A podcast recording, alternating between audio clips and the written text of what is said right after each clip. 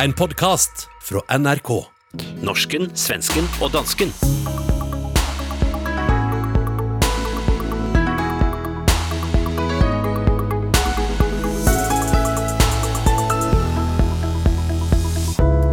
Velkommen til årets siste episode av Norsken, Svensken og Dansken. Vi skal selvfølgelig sveipe lidt over året som har gått, men det nærmer sig jul. Ikke minst så nærmer det sig årets mørkeste dag, og fra nå av kan alt bare gå bedre. Jeg er norsken Hilde Sandvik, og fra Sverige Åsa Linderborg.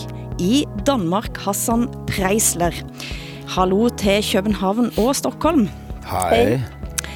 Åsa, du er jo så vidt du klarte å komme dig ut døren i dag, du, for du sitter helt nedsnødd innendørs. Hva er det du egentlig holder på med?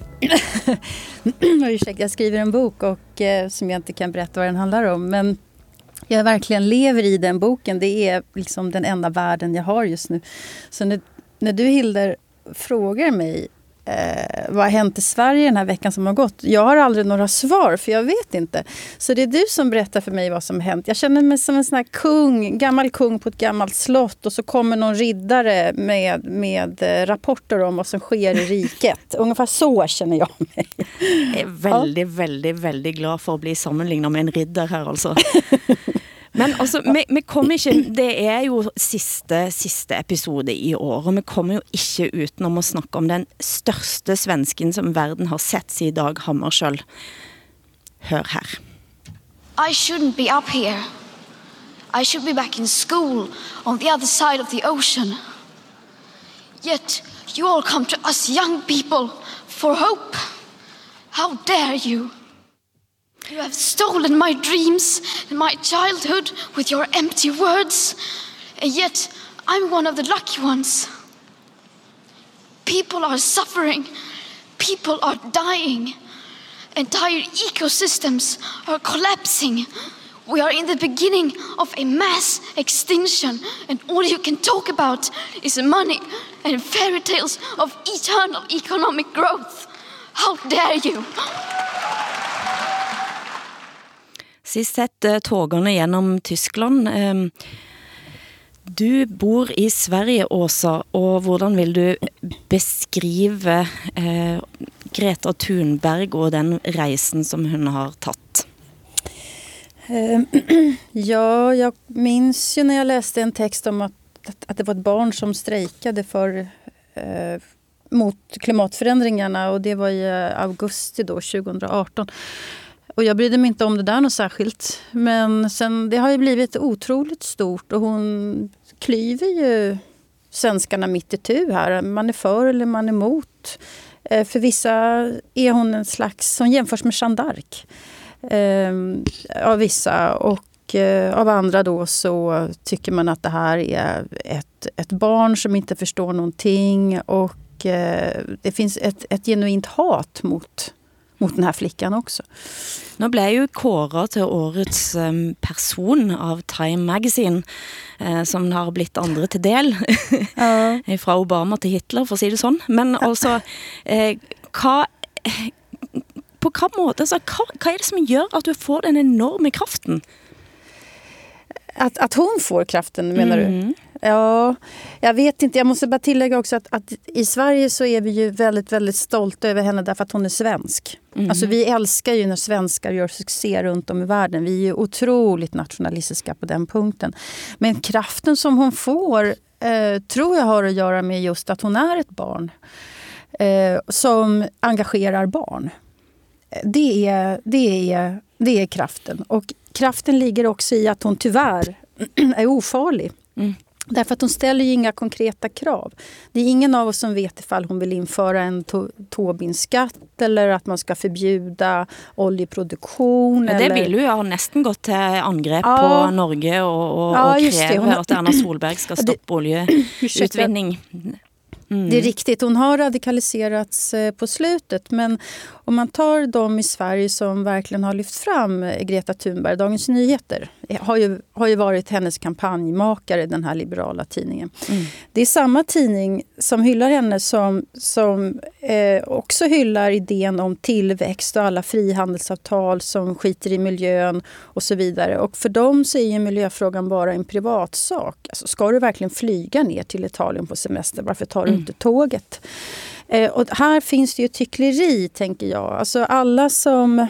Man älskar henne, liberala miljövänner älskar henne men, men eh, jag tror att om hon skulle radikalisera sin politik konkret så tror jag inte att de skulle följa med henne längre. Hur eh, diskuteras Greta Thunberg i Danmark? Alltså?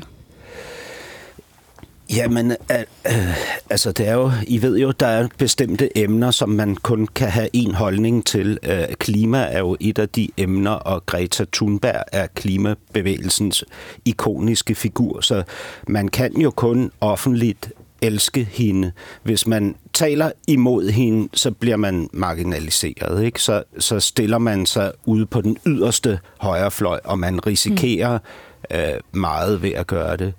Øh, jeg, jeg, altså, åh, det, det, det er svært. Det, jeg sidder jo også med et bankende, øh, et nervøst bankende hjerte nu her, når vi taler Greta Thunberg. Fordi jeg ved jo godt, hvis jeg siger, hvordan jeg egentlig har det med med denne her profet, øh, så, øh, så kan jeg godt øh, få store problemer i fremtiden. På hvilken måde problemer? Altså at du, du ikke får jobber, eller hvad tænker du for noget? At du mister venner?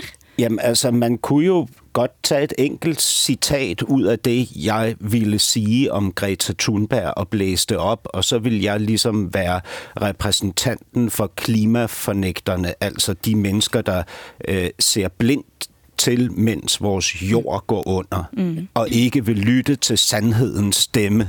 Det er jo det her med de her altså børn, som vi ligesom moglificerer. Altså, vi har jo set mm. det før med Malala, for eksempel, fra Pakistan, eller Yahya Hassan, den unge digter fra Danmark. Det, det er jo sådan nogle børn, de må rigtig gerne have et, et øh, syndrom af en art, ikke? Og så taler de sandhed fra den anden side. Altså, de kommer ligesom inde fra junglen og kan fortælle os noget om planeten, om menneskeheden, om menneskets indre natur, som vi ikke vidste, eller som vi har glemt, fordi vi lever i de her industrialiserede samfund. Ikke? Øh, og det er, altså, det, det, det er en vild rolle at tildele dem, ikke? Øh, jeg, jeg synes det, altså, når man kigger kigger på en bevægelse, så må man også kigge på, hvem dens profeter er. Og hvis dens profeter er børn, så er der altså et problem. Ikke? Altså, øh, den, øh, klimabevægelsens anden store profet er Al Gore. Mm. Al Gore har lige købt en kæmpe gigantisk villa ud til den kaliforniske kyst, som han siger lige om lidt vil være oversvømmet. Ikke? Udover det, så flyver han rundt i sin venners privat jet, når han skal holde foredrag øh, om, om klimakatastrofen og jordens undergang. Ikke? Men altså, hvis, hvis der likevel da fører til kanskje det første store ungdomsoprøret, som vi har sett siden 68, det har jeg tænkt. Er ikke det på tide nu, at den får en generation, som virkelig rasler med sablene og, og siger fra? Ja, altså, jamen et unge, ungdomsoprør mod hvad og for hvad? Ja. Altså, hvor er det, vi skal hen? Ikke? Men også, eh, du var i färd med at sige noget. Ja, nej, men jag, eh, jag har gärna klart på hassen här, men eh, Alltså jag, jag, tycker att det hon gör är fantastiskt. Eh, därför att jag är helt övertygad om att det är stora klimatförändringar. Men jag känner själv ingen ångest mm. över dem. Jag bor i en storstad, jag märker inte klimatförändringarna. Eh, jag ser inte hur skördarna minskar på grund av torkan. Jag upplever inte att havsnivåerna stiger. Men jag är helt övertygad om att det är klimatförändringar. Frågan är ju bara hur stora de är och eh, vad som är lösningen på de här förändringarna. Men jag håller helt med Hassan att det blir ett, ett problem här. När alltså världsledare vill fotograferas med, eh, med Greta och lägga ut på Instagram och Twitter och sen åker de hem eh, till sina länder och har inte en jävla tanke på att de ska minska några utsläpp. Om vi, om vi tittar på, på klimatförhandlingarna i, i Madrid nu, det är ett fiasko. Det är ett fullständigt fiasko. Eh, och därför så, så, så förstår jag förstår vad du är ute efter Hassan med, med eh, att det är något skevt med det här.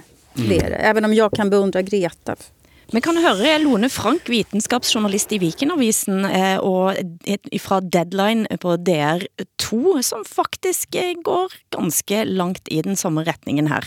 Det, at hun optræder i FN på den her måde, hvordan har du det med det? Jeg sidder, jeg sidder og ser det der og tænker, ikke hverken, du ved, irriterende møgeunge, eller stakkels pige, eller et eller andet. Jeg tænker, det er da utroligt, at der sidder verdens ledere og skal høre på det der, og sidder og, og med gode miner til det der, ikke? Altså, øh, det er simpelthen, for mig, altså det, det siger alt om, hvordan debat er ved at blive. Så, så du, øh, du reagerer på en amatør i beslutningstagernes øh, rige, eller hvad? Nej, jeg reagerer på, at det ligesom, altså, det kammer over der, ikke? Hvor, hvor nu sidder hun øh, og, og flæber, og, og du ved, how dare you, how dare you, og hvor er det forfærdeligt, ikke? Og det bliver polariserende. Du siger det, fordi hun ja. er indineret med rette? Øhm, øh, jeg synes ikke, der er noget at sidde og tude over, fordi det virker faktisk ikke på sigt, mener jeg. Vi har jo snakket om at uh, dette programmet her skal være en slags uh, familieterapi, en terapi, terapeutisk session. Og jeg har tænkt på en ting, som jeg har lyst til at kaste ind nå i, i samtalen. Uh, hvis en tænker sig, som Hassan siger, at det kommer en række barn, profetiske barn ind fra sidelinjen og skal fortælle os om virkelig hvordan ting hænger sammen, så er det jo de voksne sin rolle har alltid været gennem tidene å kritisere og sige stopp nå, hør nå her, dette argumentet holder ikke, holde igen. Men rundt Greta så får en en følelse av, som Lone Frank her siger, det polariserer, fordi straks nogen voksne kommer ut og er kritiske, så kommer der andre voksne og siger, nej, nej, nej, nej, nej, vi må passe på, passe på her, og ikke komme med denne voldsomme kritikken og salven, som om at barn ikke tåler det. Der ja. tænker jeg, at vi tar, vi tar ikke voksenrollen vår alvorlig. Jamen, det er rigtigt. Det er du fuldstændig ret i. Men det er jo, på den måde er det jo brilliant at have et, et, en profet for sin bevægelse, som er et barn, fordi et barn er svært at modsige. Ikke? Altså, øh, et, øh, i hvert fald i, i den form, vi ligesom bruger børn på i dag, ikke? som sandhedens stemme. Altså som Jesus børn, nærmest. Mm. Jag, jag är nyfiken på vad som händer nu när Greta blir, blir äldre. För att hon är ju bara 16 år. Och hon mm. säger själv att nu ska hon åka hem och ta lite julledigt. Jag tror hon är djupt desillusionerad efter Madrid. Och, och att ingenting händer och sådär. Och då, jag tror att det kommer som sagt en politisk radikalisering hos henne. Och då, då blir det någonting mycket mer konkret att ta ställning till. Uh, och, och det ska bli intressant att se henne gå in i, vuxen, i ett vuxenliv om fem, fem, sex år. Så är hon ju en vuxen kvinna. Uh, och se vad det finns för rörelse runt henne då mm. eller om det är andra som har tagit över. För det, det, skulle vara en mardröm tycker jag ifall, ifall hennes roll ska övertas av ett annat barn mm. från ett annat land. Mm. Att det är någon slags barnstafett det här. Det, uh, det, det tror jag liksom inte på riktigt. Altså vores øh, børneprofet Yahya Hassan, som er digter og kom fra ghettoen og fortalte os om, hvorfor vi har de etniske konflikter, vi har øh, med sandheder fra den anden side. Han er i dag øh, dybt kriminaliseret og medicineret. Øh, altså det, det, han kom netop ud med en ny bok, da. Ja, han er altså, lige, lige præcis kommet ud, med, men fra, fra den lukkede afdeling kom han ud med en ny bog. Mm. Jo, ja, visst. Men kan man verkligen jämföra Greta som kämpar för, för en, en, en, en ja, ja, klimatet då helt enkelt. Kan man jämföra det med, med en poet som berättar självbiografiskt om hur det var att växa upp i det här drabantområdet som han är bidragsberoende? Ja, nej, måske ikke direkte, men Yahya Hassan havde jo også en meget, meget klar og tydelig agenda med det, han ville. Det var jo at, at altså, i hvert fald formuleret at skabe en bedre verden. Ikke? Jo, absolut. Men jag tycker ändå att det är skillnad på att, att, att skriva självbiografiskt som Hassan gör. Jag försvarar alltid den rätten att, mm. att berätta om sitt liv. Mm. Och Greta som, som, som får prata i, i FN och alla världsledare vill fotograferas med henne. Mm. Och sen vill de ändå inte göra någonting åt, åt klimatet. Det, ja, nej, uff. Mm. Men vad ska, vad ska, alltså, vad ska ungdomsopprøret være om inte detta? Ja.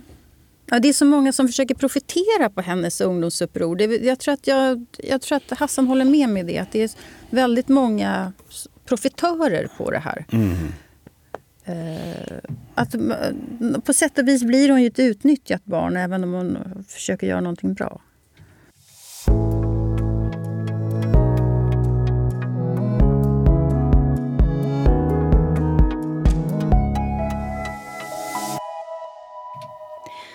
Du hører på norsken, svensken og dansken, og norsken er meg, Hilde Sandvik, svensken er Åsa Linderborg, og dansken er Hassan Preisler. Programmet blir sendt på NRK P2 og SR P1 hver uke møtes vi altså tre naboer til en time skandinavisk terapi for at snakke ut om vores dysfunktionelle familier der hjemme. Eh, og Hassan, i denne uken som gik, eh, så kom Danmark højt oppe på nyhetene, og i alle fall i Norge, sikkert også i Sverige, med avværget terrorforsøk, og etterpå så har vi haft en stor diskussion om terror vs overvåking, og hør her. Hvis vi ødelægger trygheden i samfundet, så ødelægger vi friheden i samfundet. Uden tryghed, ingen frihed. Uden tryghed, ingen frihed. Det er sandheden. Det er derfor, vi kriminaliserer. Det er jo i virkeligheden det, som vi gerne vil. Og hvis man siger, det er rigtigt, så følger det logisk heraf, at med overvågning stiger friheden. Med overvågning stiger friheden. Med andre ord, indgreb i privatlivets fred kan føre til mere tryghed, fordi vi bekæmper kriminalitet, fordi vi får sat forbryderne fast, fordi vi får stoppet samfundsmæssig adfærd, som vi ikke vil have, og dermed bliver der skabt mere frihed. Uten overvåking ingen frihet, siger herr justisminister Nick Hækkerup eh, fra Socialdemokraterne. Eh, det, var, det kom lidt overraskende på mig, må jeg indrømme. ja, det, det, altså, det er jo vildt. Det er jo, altså, det er jo en vild monolog, han holder fra Folketingets talerstol her. Altså, det, det er fantastisk. Øh, og det, der, der er jo også kommet vold, mange reaktioner på det på Twitter. Altså folk griner jo af Nick Hækkerup derude øh, og sammenligner og siger, at han bruger Erasmus Montanus logik, mm. altså Holberg logik. Ikke? Øh, I ved, øh, I kender sikkert... Øh, ja, nu skal man ikke tage den diskussion om hvorvidt han er dansk eller norsk.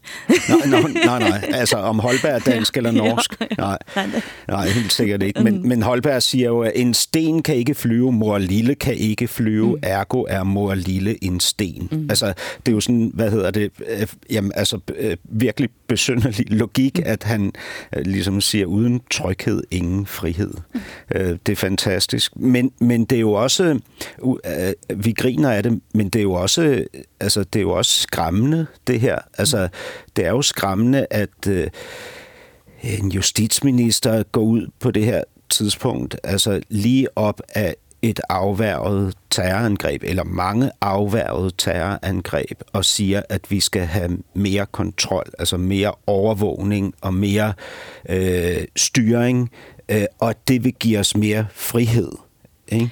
Altså den, den måde at argumentere på. Og jeg, jeg tænker jo på, at Socialdemokratiet virkelig er begyndt at benytte sig af hele det her politiserede embedsværk af kommunikationsfolk og taleskriver nu her. Mm. Ikke? Og her der ser vi et eksempel på, hvordan Socialdemokratiet vil kommunikere i fremtiden, altså mm. med afledningsmanøvrer og omvendt logik og øh, Holberg-formuleringer. Men altså, det er jo næsten modsatt av det man har hørt tidligere, når man snakker om at det er mer, åpenhør, mer åpenhet fører til mer demokrati, sant? Og, yeah. Men så samtidig så er det jo sådan, det har blitt avværget av veldig mange terroranslag mot Europa de senere år. Og det kender vi jo til. Kanskje det fungerer, altså er det sådan, at vi er nødt til at indse, at vi er på vej ind i et, i et andet uh, klima, der det, det er nødvendigt? Men eh, finns det någon gräns för eh, hur mycket man kan avlyssna mm. i så fall? Alltså, jag, jag tänker på den här diskussionen har vi haft i Sverige för, för tio år sedan. Socialdemokraterna drev ju igenom då en, en kraftig övervakning. Så jag är lite förvånad över att danskarna är så sena med det, eller dansk socialdemokrati. Men jag tänker på Edward Snowden. Alltså, han iscensatte ju världens största säkerhetsläcka och avslöjade då att amerikanska NSA de samlar in 250 miljarder upplysningar varje månad om mm. människor runt om i världen. Alltså de avlyssnar allt från oss tre till eh, Angela Merkel. Bara för att de kan. Alltså det är ju en djävulsk maktutövning bara för att de kan. Och de gör det i namn av att de ska stoppa terrorism. Mm. Eh, och så vidare. Och vi är naiva, tänker jag, om vi tror att men jag, har inget, jag har inget på mitt samvete så mig kan de ja, lyssna sant. av. Mm. Det, alltså, var går gränsen någonstans? Mette Fredriksen sa ganske tidlig også, hun har vel også fått en del grin, som det heter i Danmark, eh, for at sige, det, så, det der driver mig som statsminister et ønske om at passe på Danmark. Skal jeg gøre det, er vi nødt til at ta nogle af de ting i bruk, som vi ikke tidligere har haft hverken behov for eller lyst til. Men uden at sige, hvad det en skal faktisk ta i bruk da. Ja, eller hvad, hvad det er, vi har behov for, øh, og hvad det er, vi ikke har lyst til. Ja. Og hvad det, er, hvad, hvad det er, der adskiller dette fra det, der tidligere var. Altså, ingen af os ved præcist, hvad det er, hun mener, men vi kan mærke, at hun mener det alvorligt. Ja. Øh, ja. Men, uh, men, men jeg, jeg synes jo, at, at, hvis jeg bare lige må indskyde kort, altså, der, den logik, som de er ude med lige nu, er faktisk ret besynderlig, fordi politiet og efterretningstjenesten har faktisk lige vist, at de har de nødvendige midler til at forhindre terror. Mm. Mm. Argumentet er så, at de skal have flere midler, og vi skal overvåges mere. Og det, det er, hvad hedder det, den, dengang jeg gik i terapi. Øh, det er ikke så længe siden. Jeg har gået hos mange forskellige terapeuter, blandt andet øh, kognitive terapeuter. Der, der sagde de jo til mig, Hassan, du skal arbejde med dine katastrofetanker. Fordi hvis du lader dine katastrofetanker styre dit liv, så kommer du til at leve et liv i permanent selvkontrol. Ja, just det. Og det er, nu tænker du, at det er det, som sker med et helt land? Ja, altså vi, vi burde jo, hvad hedder det, gå i national kognitiv terapi, ja? og det gælder både, det gør jo. både klima og, jamen det gælder jo både klima og terror og mm. alle de andre ting, vi ikke må tale om. Altså træk vejret. Ikke? Uh-huh. Og jeg, jeg, jeg er ikke, hvad hedder det, selvskrevet til at sige det her, fordi jeg er den første, der panikker. Mm-hmm. Men uh, jag undrar Hassan, så jag tänkte när vi pratade tidigare just om, om, om klimatet, uh, om, man, om man vågar säga att man att man eh, inte tror på alarmismen till exempel. Vågar man göra det? Vågar man kritisera Greta? Hur är det här? Alltså vågar man i, i Danmark eh, kritisera den här justitieministern eller uppfattas det som att man stöder terrorism då? Nej, nej det vill det inte göra. Uh, nej, det vill inte uppfattas som att man stöder terrorism. Det vill det inte. Nej, uh, nej det vill det inte. Men, men alltså det, det er da helt klart, at det ligger i tidsånden, at det forventes af os som individer, at vi accepterer at give køb på vores frihed for vores tryghed. Det nye er, er jo så den her socialdemokratiske formulering, som lyder, at vi får mere frihed, fordi vi får mere tryghed. Ikke? Altså det, det, er, det her er jo, hvad hedder det, hvis, hvis det her var en terapeut, så vil jeg rejse mig op og sige, at jeg vil have mine penge tilbage, du, fordi du snyder mig. Ikke?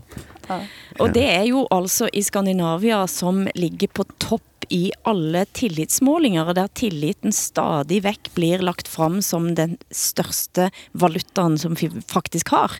Det er at de mm. stoler på hverandre. Ja. Eh, er det dette nå altså bryter, bryter ned? Ja, ja. ja, det skapar ju misstro Eh, och framförallt så tycker jag också att det visar att staten misstror sina medborgare.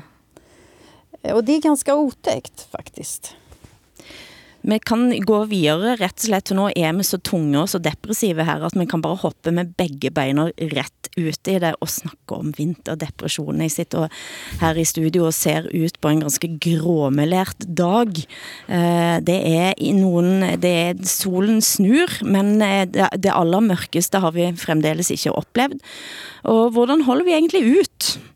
Hassan, er dette noe du har tatt om med terapeuten din? Ja, helt klart. Altså, ja, ja, absolut. Og jeg går mere til terapeut om vinteren end om sommeren, mm. øh, selvom jeg lider af pollenallergi. men men jeg, jeg så her for nyligt, at der har, der har faktisk kun været fire timers sollys i november måned. Mm. Altså, det er hårdt. Altså, det er fire timers sollys, ikke? Det er jo ikke så mærkeligt, at man kommer til at reagere på det. Jeg, jeg vil sige dog, jeg, jeg bliver langt mere effektiv om vinteren. Jeg arbejder bedre, mere koncentreret og flere timer, end jeg gør om sommeren. Øhm, så der er måske også noget med, at den her kollektiv vinterdepression, vi går ind i, om i denne her tid i de skandinaviske lande, at det, at det faktisk er den, der gør os så effektive, som vi er. Mm. Alltså, jo, det tror, det tror jag. Eh, jag älskar ju det här. Ja. Jag tycker inte om sommaren. Jag, jag får ångest av sommaren. Det, det är så kravfyllt. Man ska vara ute. Og man, man skal, ska smile. Så, Ska man, ska, man ska vara så snygg. Ja, man ska... Eh, jag, jag älskar när det är mörkt och jag kan ha långbyxor på mig och jag får sitta inomhus och jobba. Men hør her da, folkens. Ja, det här var en av de mörkaste novembermånaderna som eh, många har upplevt. I alla fall är det den känslan många av oss har. Madeleine, eh, det, det är egentligen så också. Det är, Men ovanligt så. mörkt. Jag tycker jag har stått här, jag vet inte hur många veckor och bara pratat i gråmulet, gråmulet, gråmulet. Och det är verkligen så. Den enda skillnaden mellan söder och norr är egentligen att det har varit, eller är snö längre norrut. Eh, men om man gör en sammanställning, som det här visar då, på hur många soltimmar vi har haft hittills i november. Då, alltså bottennoteringen, det är Växjö, tre timmar. Och parentes, Tre timmar sol under november är Ja, alltså. från den första till den 27 november. Det är ingenting. Dette var Malou efter tio på, eh, på TV4, svensk eh, TV4, så vi er jo ikke helt alene med å, Alltså, jag har inte litt, da. märkt vad det är för väder för jag sitter bara inomhus och skriver hela tiden. Jag går ut en gång i veckan, det är när jag går hit. Det, Det- var grått idag. Det, Det var grått ute. Ja. Ja. Men det er jo også ret vildt, at når man kigger på listen over de lykkeligste nationer i verden, mm. så ligger lige nu ligger Finland nummer et, Norge nummer to og Danmark nummer tre. Ikke? På listen er i øvrigt også Kanada og Sverige over de 10 mest lykkelige øh, Og nationer vi i sitter verden. her inne i mørket, nede i kjellere. Ja, er det ikke, er det ikke vildt? Men samtidig så, jeg tror jo dette må jo, det må jo vise igjen, jeg så en oversikt over at en 400 000 nordmenn regner med er vinterdeprimerte. 400 000. Ja. Så jeg har jo lurt på om vi kanskje i dette programmet her skulle skaffe oss sånne lyspaneler, som vi kunne hatt å se på mens vi snakker. Om det hadde blitt litt sånn muntrere familieterapi da. Men altså, vi, forskningen viser jo, at sollys har stor betydning for ens lykkefølelse. Mm. Ikke? Så der må ligesom være noget andet, der gør, at Finland, Norge og Danmark kan ligge nummer 1, 2 og 3 på listen over nationer, der er lykkeligst. Og jeg tror netop, det hænger, hænger sammen med, med det her med tryghed og tillid. Ja, det tror med. som vi talte om for et øjeblik siden. Men eh, må vi Absolutt. bli overvåket for at være så lykkelige? Jamen, altså... ja, men altså, jamen, det kommer... Det, altså, jeg, jeg synes, man skal tale med sin terapeut, hvis man tror, at sikkerhed skaber lykke. Mm. Hva føler du deg trygg, Åsa? Vad som Er mig du känna mig trygg og lykkelig? Eh, Jag, just, jag har haft ett fruktansvärt tungt år bakom mig men just nu känner jag mig ovanligt lycklig faktiskt. Ja, jag, mår bra när jag, jobb, förlåt, jag mår bra när jag arbetar, alltså när jag, när jag är kreativ. Och, Men har du skrevet om dine tunge år? Det er derfor du er glad. Eh, men jag kan inte säga Hilde vad jag skriver om. Hvor er det dejl, dejligt at høre, at du er glad og lykkelig. Mm. Ja. Det var jag inte förra året, du skulle ha hört mig då Hassan, det var tungt. Var det det? Ja det var det verkligen. Det var tungt oavsett vilken årstid det var. Men jag kan inte prata om det nu. Men, men jag, tycker, jag tycker ju om vintern helt enkelt och jag tycker om hösten. Eh, på sommaren, jag minns min pappa, han, eh, han blev djupt deprimerad den här årstiden. Men jag, blev, jag blir inte det. Jag är så glad för det, att jag inte är som han. Mm.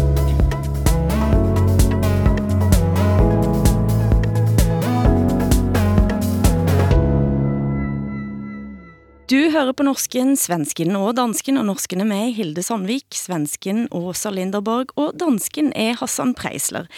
Program blir sendt i NRK P2 og SR på P1, og hver uke møtes vi, altså tre naboer, til en times skandinavisk terapi for å snakke ut om våre dysfunksjonelle familier der hjemme.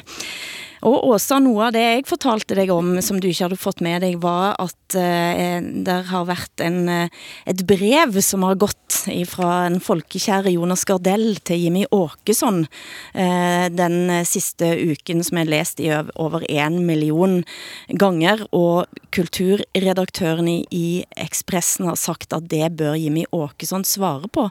Eh, hvad står det egentlig i det brevet? Nu har du fått læst det du også. ja, ja, jag hade inte läst innan du sa att det hade, att det hade publicerats. Nej, men alltså, det är ett sånt här brev som Jonas Gardell alltid skriver. Eller, han har skrivit den här texten tusen gånger. Och det handlar om att det var jättejobbigt för honom att vara homosexuell på 80-talet. Och alltså finns det ingenting för någon annan att tycka var bra med 80-talet. Och nu har Jimmy Åkesson, eller han, han vänder sig mot Jimmy Åkesson för att han tycker att Jimmy Åkesson romantiserar eh, det svenska förflutna eh, historien. Ingenting var, ingenting var bra förut för att det var så jobbigt för Jonas Gardell när han var barn. Det är faktiskt, det är faktiskt så texten är uppbyggd. Han kan inte skriva någonting utan att skriva om sig själv och hur illa behandlad han har varit och att det alltid är synd om honom. Men nu har jag, jag tycker att den här texten är en pajastext. Vad betyder det? Pajas, en clown, clowntext. Alltså, mm. det, är, det är bara ett spel. Liksom. Men en miljon gånger alltså? Ja, det är helt obegripligt. Jag förstår, inte, jag förstår inte dragningskraften i det här mer än att han, att han riktar sig till Jimmy Åkesson. Jag förstår heller inte hur eh, Expressen kan kräva att Jimmy Åkesson ska svara på det här. Han har ingen skyldighet att svara på någonting. Men dette går lidt ind på et tema, som vi har haft mange ganger her på Norsken, Svensken og Dansken, altså forfattere eller kulturpersonligheter, som går ind og mener stærkt politisk da. Har du læst, har du læst brevet, Hassan? Nej, jeg har ikke læst mm. brevet. Altså, jeg, jeg læste det, jeg kunne se i medierne sidste uge, men jeg har ikke læst brevet mm. her. Nej, men, men jeg kender jo godt øh, tendensen af altså kunstnere, der stiller sig op på deres sæbekasse og udtaler sig om politiske emner. Mm. Øhm, absolut. Men det er rigtigt, det er jo, det er jo også en det er jo en, en, en særpræget situation, at en politisk øh, partileder tvinges til at svare på noget, der er så der virker så flyvsk som mm. det her brev, ikke? Altså så meget op i skyerne, øh, og så li- lidt konkret og jordnært. Mm. Øhm, er han ikke i øvrigt, øh, jeg synes, jeg læste noget om, at Jimmy Åkesson nu er den partileder i Sverige, der har højst tillid Jo, eh, det, den, eh, det har jag faktiskt hängt med på. Det hände igår. Mm. Och, eh, och det har ju naturligtvis att göra med att hans parti växer och då, då ökar ju också tilliten till partiledaren. Men yeah. han har inte behövt ta ansvar för något enda beslut som har fattats. Och den här typen av attacker hjälper ju till också tror jag faktiskt. Att, att mm. man, man gör inget annat än pratar om Jimmy Åkesson. Eh, och jag blir helt rasande när jag tänker på den här texten faktiskt. Jag tycker det bot, ja, men för, förklar... Bottenlös ja. egocentrisk ja. faktiskt. Är det det som gör dig sint? Ja. ja men alltså, om, man kan inte säga så här, det fanns ingenting som var bra med Sverige förut därför att jag som var homosexuell på 80-talet hade det jättesvårt. Mm. Alltså, ja. Då tror jag man begränsar vad ett, ett, ett helt samhälles erfarenheter. Jag skulle säga att 80-talet var fantastiskt på så vis att alla hade arbete och bostad. Eh, det fanns sjukvård på ett enkelt sätt. Det skulle jag säga att väldigt många längtar tillbaka till. Mm. Eh, pensionerna fungerade, det var väldigt mycket som fungerade bättre. Och, eh, men Jonas Gardell tycker att vi ska tycka att allting var dåligt förut för att det var så svårt att vara homosexuell. Och, och jag vill inte, jag vill inte göra mig lustig över eh, vad, eh, hur det var att vara homosexuell på 80-talet. Min mamma satt, eh, har suttit i riksdagen och var en av de största förkämparna för deras rättigheter. Jag är stolt över det. Det är inte det det här handlar om, utan det här handlar om hur ska vi beskriva Sverige? Mm. Och framförallt, vad vill vi att Sverige ska vara för land nu? Eh, det, mm. det, blir otroligt, eh, otroligt eh, egocentriskt skulle jag säga. Eh, og Hassan, du har været innom før at Dansk Folkeparti, altså den, den diskussion man har i Sverige nå, mener du at eh, Dansk Folkeparti eh, gjorde med Danmark allerede for 10 år siden, og nå nylig så var det, blev det publiceret et indlæg på alting.dk, som er det netstedet der du virkelig kan holde dig opdateret på dansk politik. Mm. Den påstår at DF nå sliter med identiteten, for alle andre partier har overtaget mere og mindre alt det DF har stået for. Jamen, det er rigtigt, og, Dansk Folkeparti, altså vores Sveriges demokrater, er jo i dyb krise, fordi der vælger flugt fra partiet over i de andre partier. Øh, både over i de andre borgerlige partier og over i Socialdemokratiet. Mm. Øhm, men det er jo fordi den her nationalkonservatisme, den, den fik Dansk Folkeparti øh, ophøjet øh, på det tidspunkt, sådan at det blev noget, som en stor del af befolkningen lige pludselig syntes, at de gerne måtte stå for. Øh, og sidenhen så har de øvrige partier jo øh, fulgt efter og kopieret mm. Dansk Folkepartis retorik på mange områder. Mm. Øh, og det har jo lidt gjort, at Dansk Folkeparti er blevet overflødig. Mm. Det er jo ret sjovt, fordi jeg kan jo for jer svenskere i forhold til øh, Sveriges Demokraterne, så kan jeg jo være Nostradamus, fordi mm. jeg kan jo fortælle jer, hvordan det hele vil gå, mm-hmm. som vi har været inde på mm-hmm. tidligere. Mm-hmm. Øhm, men, og jeg bemærker også det her, når der opstår sådan virkelig øhm, besynderlige, øh, underlige, øhm, ulogiske argumenter mod Sveriges Demokraterne, og Sveriges Demokraterne lige pludselig kommer til at være dem, der ser mest fornuftige ud. Altså, jeg mener, Jimmy Åkessons reaktion på det her brev var jo i første omgang at sige til kritikeren, at han gerne ville mødes og tale med ham. Ikke? Mm. Så han kommer jo til at fremstå som det logiske, fornuftige, rolige, afbalancerede menneske mm. i uh, sammenligning med det andet. Ikke? Så, så kan man jo sige, at nu ved vi, hvad vej det kommer til at gå. Ikke? Fordi argumenterne bliver mere og mere vanvittige, mm. og Jimmy Åkesson kommer til at fremstå mere og mere troværdig. Tror du det også? Eh,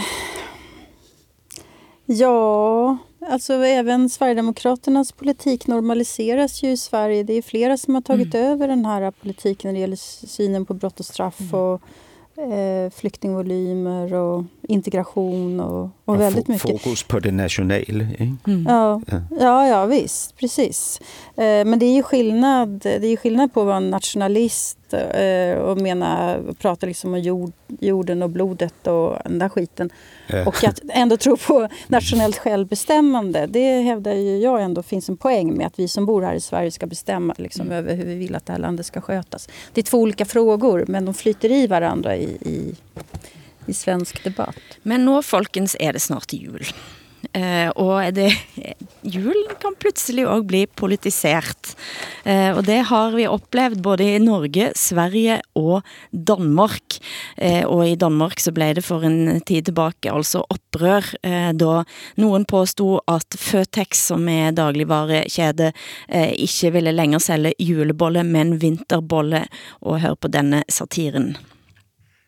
IKEA holder fest, så Peter Skårup går i protest. Og Fytex har vinterboller til salg, for julebollen var ikke halal. Dette var altså satiregruppen Makt som slapp eh, på 25. november kom, kom, kom dette, og det satte jo mange sinn i kok da, når man pludselig ikke kunne kjøpe julebolle lenger. Hva er det som gjør at man blir så hissige av denne type nyheter?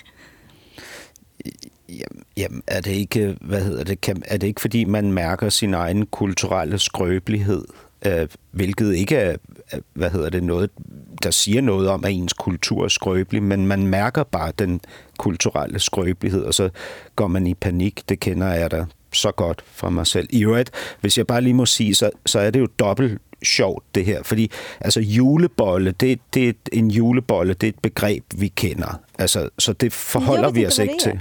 Jamen, det, det er en, en bolle af, hvad hedder det på svensk? En bulle.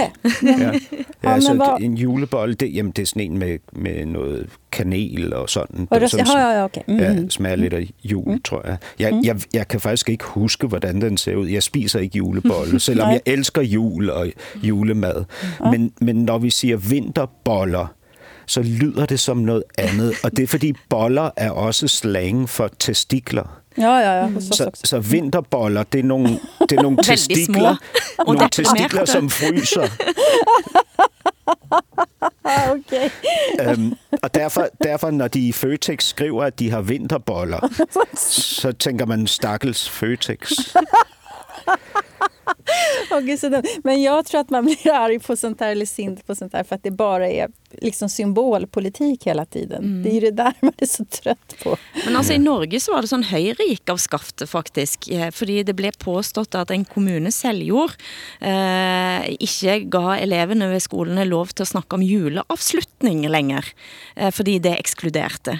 Eh, og det var det masse oppslag om, og så ble det liksom tatt ned etter hvert da, og under her så ligger jo også den tanken om at det er muslimene som har sagt at vi ikke skal kunne snakke om jul lenger. Så dette er jo et slags sånn spinn altså som går på tvers av, eh, av landegrensene. Det är samma sak i Sverige så, så är det väldigt många skolor eh, som, eh, alltså där man inte sjunger vissa julsalmer helt enkelt. Ja. En av världens vackraste visor eller låtar, psalm heter Gläns över sjö och strand och den sjunger man inte där för att den har ett kristet budskap.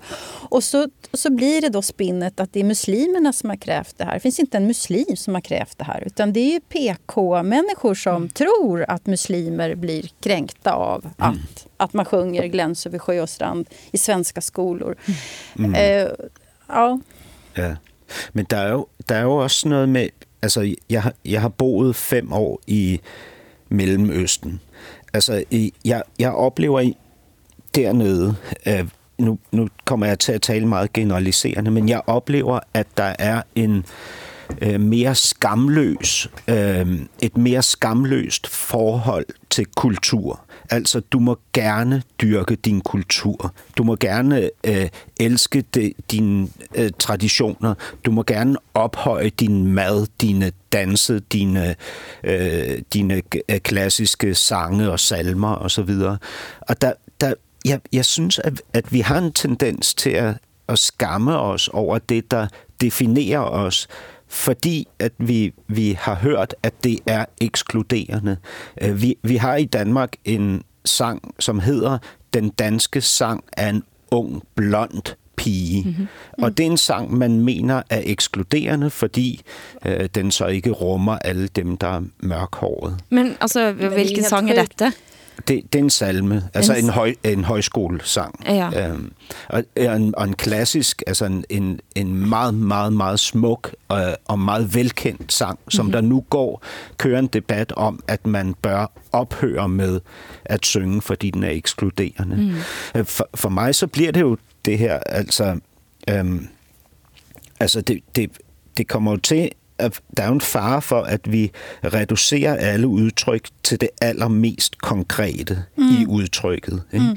Og på den måde så ophører kunsten. Ikke? Vi aner ikke, hvad forfatteren tænkte på, da han skrev den danske sang af en ung blond pige. Altså, Het, heter den danske sang av en ung blond pike? Ja, Det er titlen på sangen. Ja, al- altså, jeg, jeg mener, han kan jo have tænkt på et landskab eller en solnedgang, eller vi, vi ved det ikke, øhm, men, men vi må ikke. Altså, jeg, jeg håber sådan på, at vi kan undlade at konkretisere kunsten på den måde, og udtrykket på den mm. måde, ikke? og være mere mm. tilgivende, tillade os selv at tænke os selv abstrakt ind i alle sammenhænge, for der er plads til alt i alt. Ikke? Det, du snakket veldig fint eh, forrige gang, Hassan, og det kom med, tenkte jeg at vi måtte snakke litt videre om, så vidt innom. Du sa at i denne identitetspolitiske tiden, så er det ikke plads til kærligheten som transcenderer. Det må du si litt mer om. Jamen, si at- det årets sidste program. Jamen, men det er, det er jo det, at hvis, hvis, øhm, jamen, altså, hvis vi reducerer os selv til gruppetilhør, et gruppetilhørsforhold eller flere gruppetilhørsforhold, så glemmer vi faktisk det, som reelt kan nedbryde barriere, altså øh, ned, nedbryde mure, fylde grøfter og give os mulighed for at overstige dem, øh, som er kærligheden. Ikke? Men kærligheden er jo dybt risikabel, fordi den, der er ingen garantier i den. Der er jo lang, et langt større garantiniveau i gruppetilhørsforholdet. Mm. Ikke? Så den, den store risiko, vi skal og må løbe for at komme videre, og for at nærme os det, vi hele tiden taler om som idealet, altså humanismen, ikke? Mm. Det, så, så, så er det jo at elske. Mm. Altså, det er jo det, der, der nødvendigvis må til. Ikke? Ja. Fordi kärligheten transcenderar det hele. Men jag tänker också, eh, det här är min starkaste kritik mot identitetspolitiken, nämligen att den säger så här. Ehm, du kan aldrig förstå mig, för jag har de här erfarenheterna. Och mm. jag kan aldrig förstå dig heller. Och det betyder ju att då behöver vi inte samarbeta tillsammans mm. heller, för vi kan aldrig förstå varandra. Alltså, meningen måste väl ändå vara att vi ska försöka förklara våra erfarenheter och berätta hur vi har det på ett sånt sätt så att andra människor åtminstone kan förstå lite grann. Mm. Eh, och, och, det behöver inte ens handla om kärlek, att syftet ska vara det, utan solidaritet. Mm. Att, liksom, att bygga ett samhälle tillsammans. För att om man känner varandra så kan man också dela varandras öde. Men identitetspolitiken sätter stopp för allt sånt där. För de mm. säger bara att du kan aldrig förstå mig. Mm. Och därför tänker inte jag förstå dig heller. Okej. Okay. okay.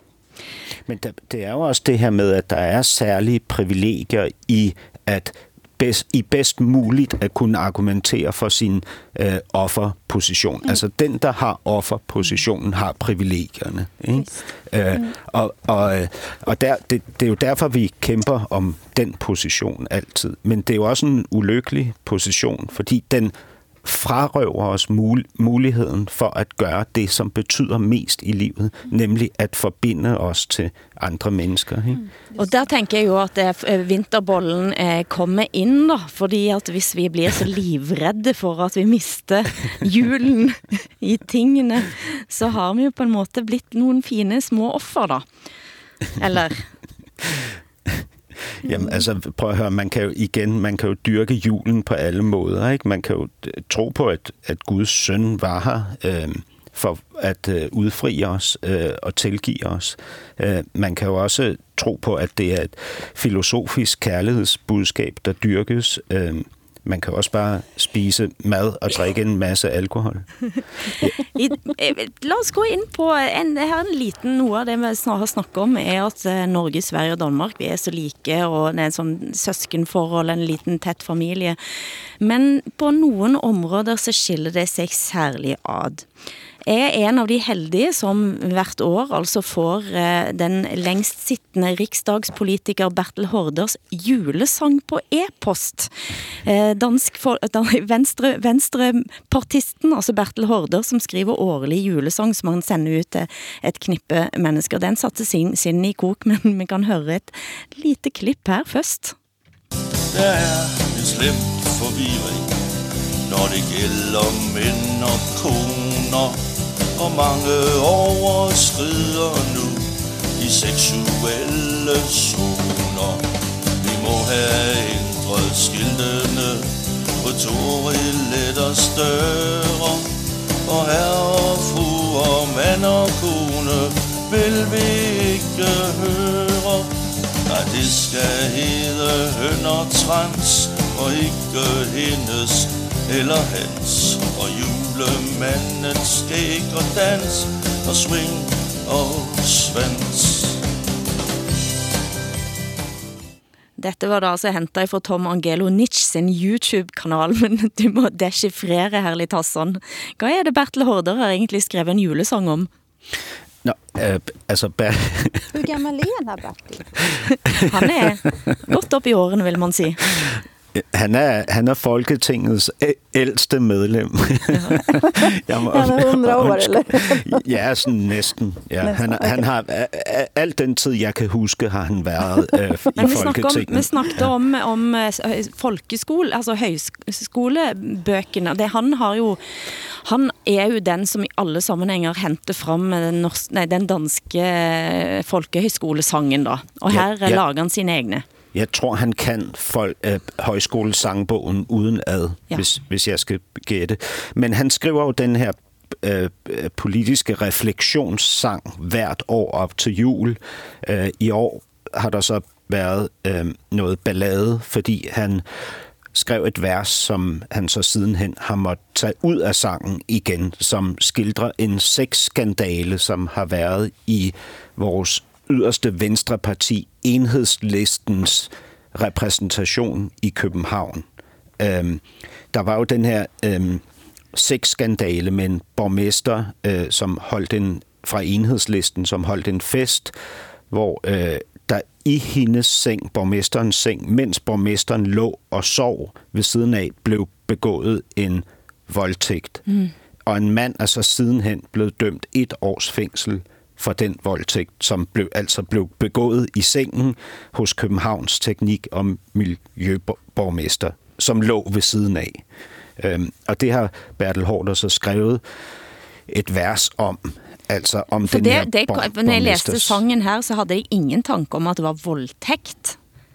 Nej, øh, nej, men der skal man nok øh, kende. Øh, altså, han, han siger, øh, at, at der var den her øh, dreng, som møvede lidt med to piger og pillede lidt for meget. Mm. Han troede, at de var fælles eje, Mm. øh, og så videre. Øhm, og det, det at, har der så været meget voldsomme han druckit reaktioner. alkohol på den där festen eller? Det, det, vil jeg, det vil jeg gætte på, helt klart. Ja. Men altså, det, det er sorry. også... Udover det, så, så den her, hun er teknik- og miljøborgmester. Det er den største forvaltning i København, øh, som hun er borgmester for. Det er en forvaltning, som fuldstændig sejler. Altså, der er ingen kontrol med den forvaltning overhovedet. Den fungerer ikke. Sådan har det også været før, den her borgmester satte sig i stolen. Hun har så været sygemeldt siden den her voldtægt skete mm. i hendes seng. Men det, det er jo... Ja. Men hvordan Altså, har det- diskussionen været i Danmark efter denne sangen? Jamen, det, det, var, det var et vers, som gik for langt. Det har helt klart øh, været reaktionen fra dem, der har sagt noget i offentligheden. Mm. Ikke? Og så venter resten på, at stormen rider over, og så vil nogen komme frem og sige, jo, men det var da også meget sjovt, og så vil tingene falde på plads igen. Men lige nu er man forsigtig med at sige noget som helst, så man lader de skingre stemmer tale først. Sådan er det jo altid. Dem, der råber højst mm. og hårdest, øh, kommer til, og så venter vi andre på, at øh, stormen rider af, sådan, så vi kan øh, prøve at tale om tingene, uden at være alt for bange. Nu ser jeg vi andre. Jeg har også været skinger. Du, øh, har du skingret med dette, eller ikke, ikke i denne saken?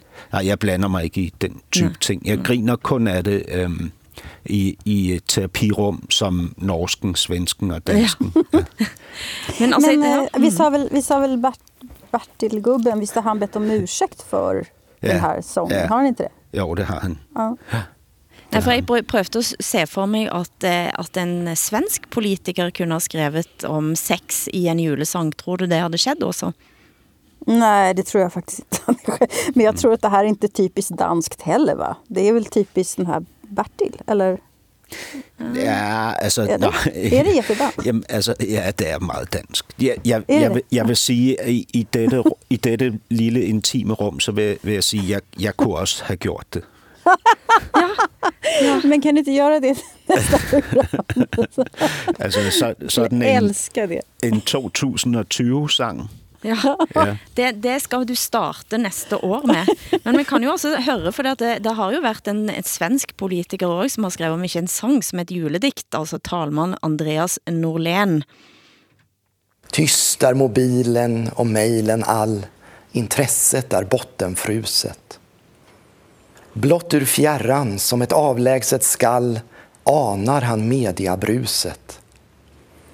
Talmannen lyssnar till sin inre röst. Jag vill ha ett tv-inslag i höst. Hur ska jag få detta att hända? Jag får väl dikta i Agenda.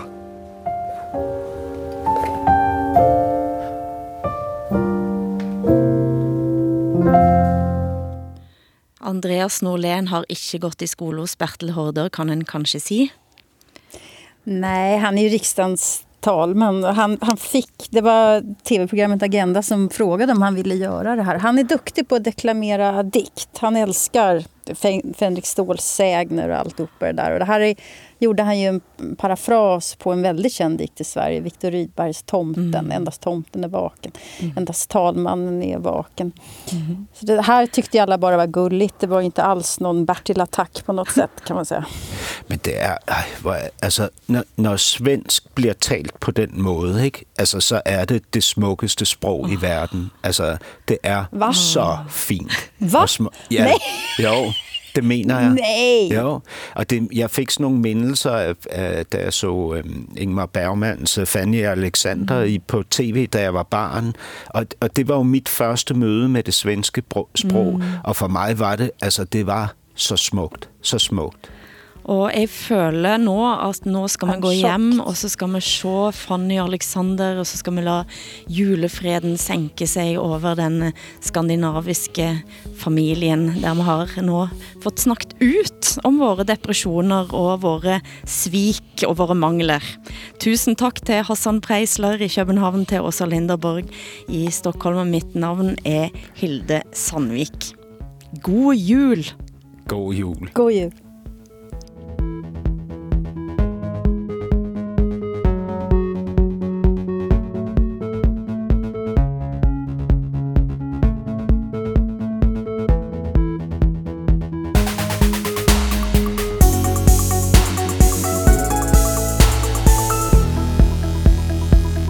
Du har hørt en podcast fra NRK. Hør flere podkaster og din favorittkanal i appen NRK Radio.